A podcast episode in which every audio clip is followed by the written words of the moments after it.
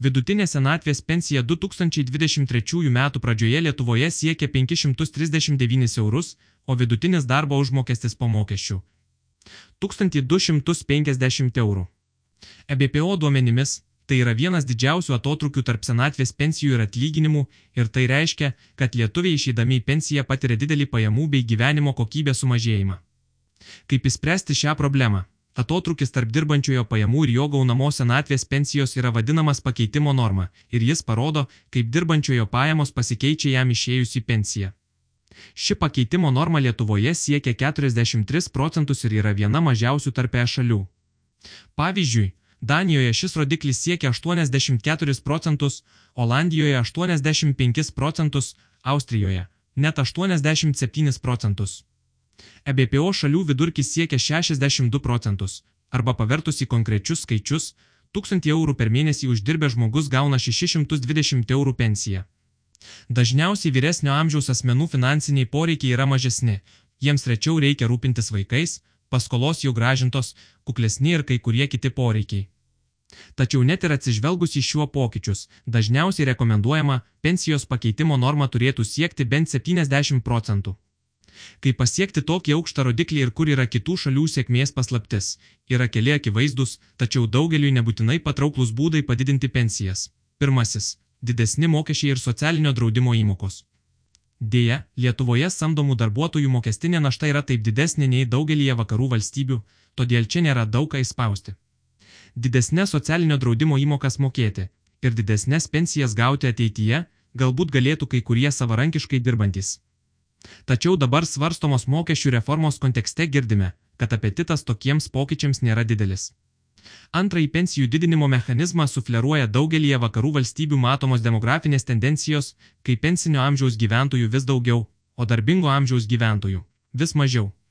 Atkuriant Lietuvos nepriklausomybę turėjome 400 tūkstančių vyresnių nei 65 metų gyventojų. Įstojant į ES jų buvo 530 tūkstančių, o šiandien jau daugiau nei 570 tūkstančių. Šio dešimtmečio pabaigoje Lietuvoje jų gyvens daugiau nei 650 tūkstančių. Ši tendencija yra labiausiai susijusi su tuo, kad Lietuvoje pastarąjį dešimtmetį didėjo ir toliau didės tikėtina gyvenimo trukmė. EBPO duomenimis 65 metų sulaukusi moteris vidutiniškai gali tikėtis gyventi dar 20 metų, vyrai šiek tiek mažiau - apie 15 metų. Deja, čia atsiranda ir nemažas iššūkis kokios bus šios didėjančios vyresnio amžiaus bendruomenės pajamos ir galimybės. Tad antrasis nepopuliarus pensijų didinimo būdas - tai pensinio amžiaus vėlinimas, kuris leidžia surinkti daugiau socialinių draudimo įmokų iš didesnės dirbančiųjų grupės ir perskirstyti jas mažesniai pensininkų bendruomeniai. Tačiau daugelio gyventojų nuomonė apie pensinio amžiaus vėlinimą neblogai iliustruoja Prancūzijos drama. Ketinimai pavėlinti pensinį amžių nuo 62 iki 64 metų ten pavirto į daugiau nei 2 mėnesius trunkančius streikus, reušės ir šiukšlių kalnus gatvėse.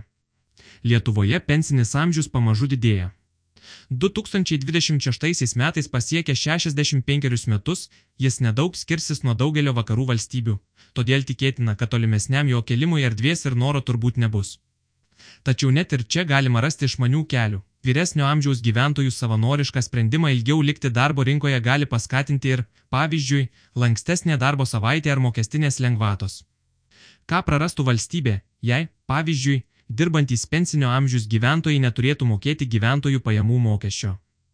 Sulaukę tokio amžiaus, ne visi nori ir gali dirbti, bet papildomos paskatos galėtų prisidėti prie kelių problemų sprendimo ir darbuotojų trūkumo ir mažų pajamų senatvėje kad toks vyresnio amžiaus, bet dar darbingų asmenų įsitraukimas į darbo rinką nėra neįmanomas, rodo Japonijos pavyzdys.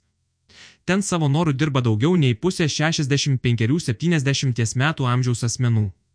Galiausiai, detalesnė pensijų sistemų analizė iliustruoja, kodėl daugelie vakarų valstybių pensijų pakeitimo norma beveik dvigubai didesnė nei Lietuvoje ir koks yra trečiasis būdas padidinti pensijas. Šiuose valstybėse didelę pensijos dalį sudaro ne tik išeinamųjų socialinio draudimų finansuojamos valstybinės pensijos, bet ir pensijų fonduose sukauptos lėšos. EBPO duomenimis, šiai organizacijai priklausančiose šalise vidutiniškai gyventojų sukauptos lėšos pensijų fonduose sudaro apie 105 procentus BVP, o tokiose šalise, kaip Danija ar Olandija, kuriuose pensijų pakeitimo normos yra vienos iš didžiausių pasaulyje, sukauptos lėšos viršyje 200 procentų BVP. Lietuvių įdarbintos lėšos jų asmeninėse sąskaitose pensijų fonduose siekia tik apie 11 procentų BVP, gerokai mažiau nei Latvijoje ir Estijoje. Taip yra todėl, kad priešingai nei daugelis vakarų valstybių, lietuviai savo ateities poreikiams pradėjo kaupti palyginti neseniai, o darbuotojų ir darbdavių įnašai yra kuklesni. Nemažai įtakos pensijų dydžių ir pensijų pakeitimo normai turi ir papildomas savarankiškas kaupimas ir investavimas.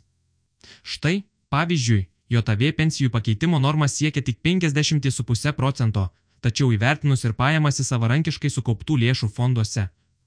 Ji pakyla net iki 95,8 procentų.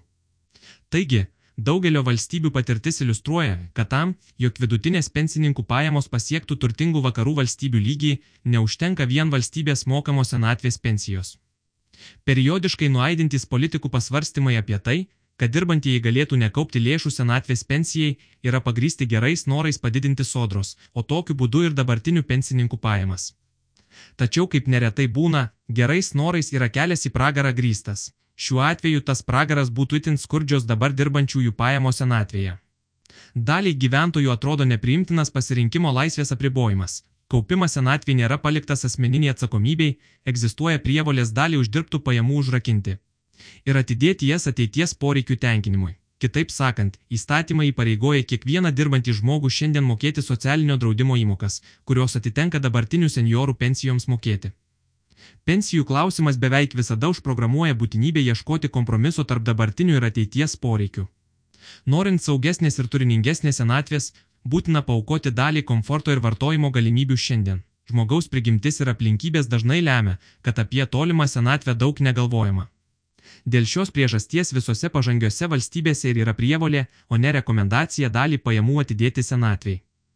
Iš esmės ši prievolė nelabai skiriasi nuo reikalavimo mokėti kitus mokesčius. Skirtumas tik tai, kad lėšos yra panaudojamos ne bendriems valstybės tikslams, o tik asmeniniams kaupiančio žmogaus poreikiams jo senatvėje.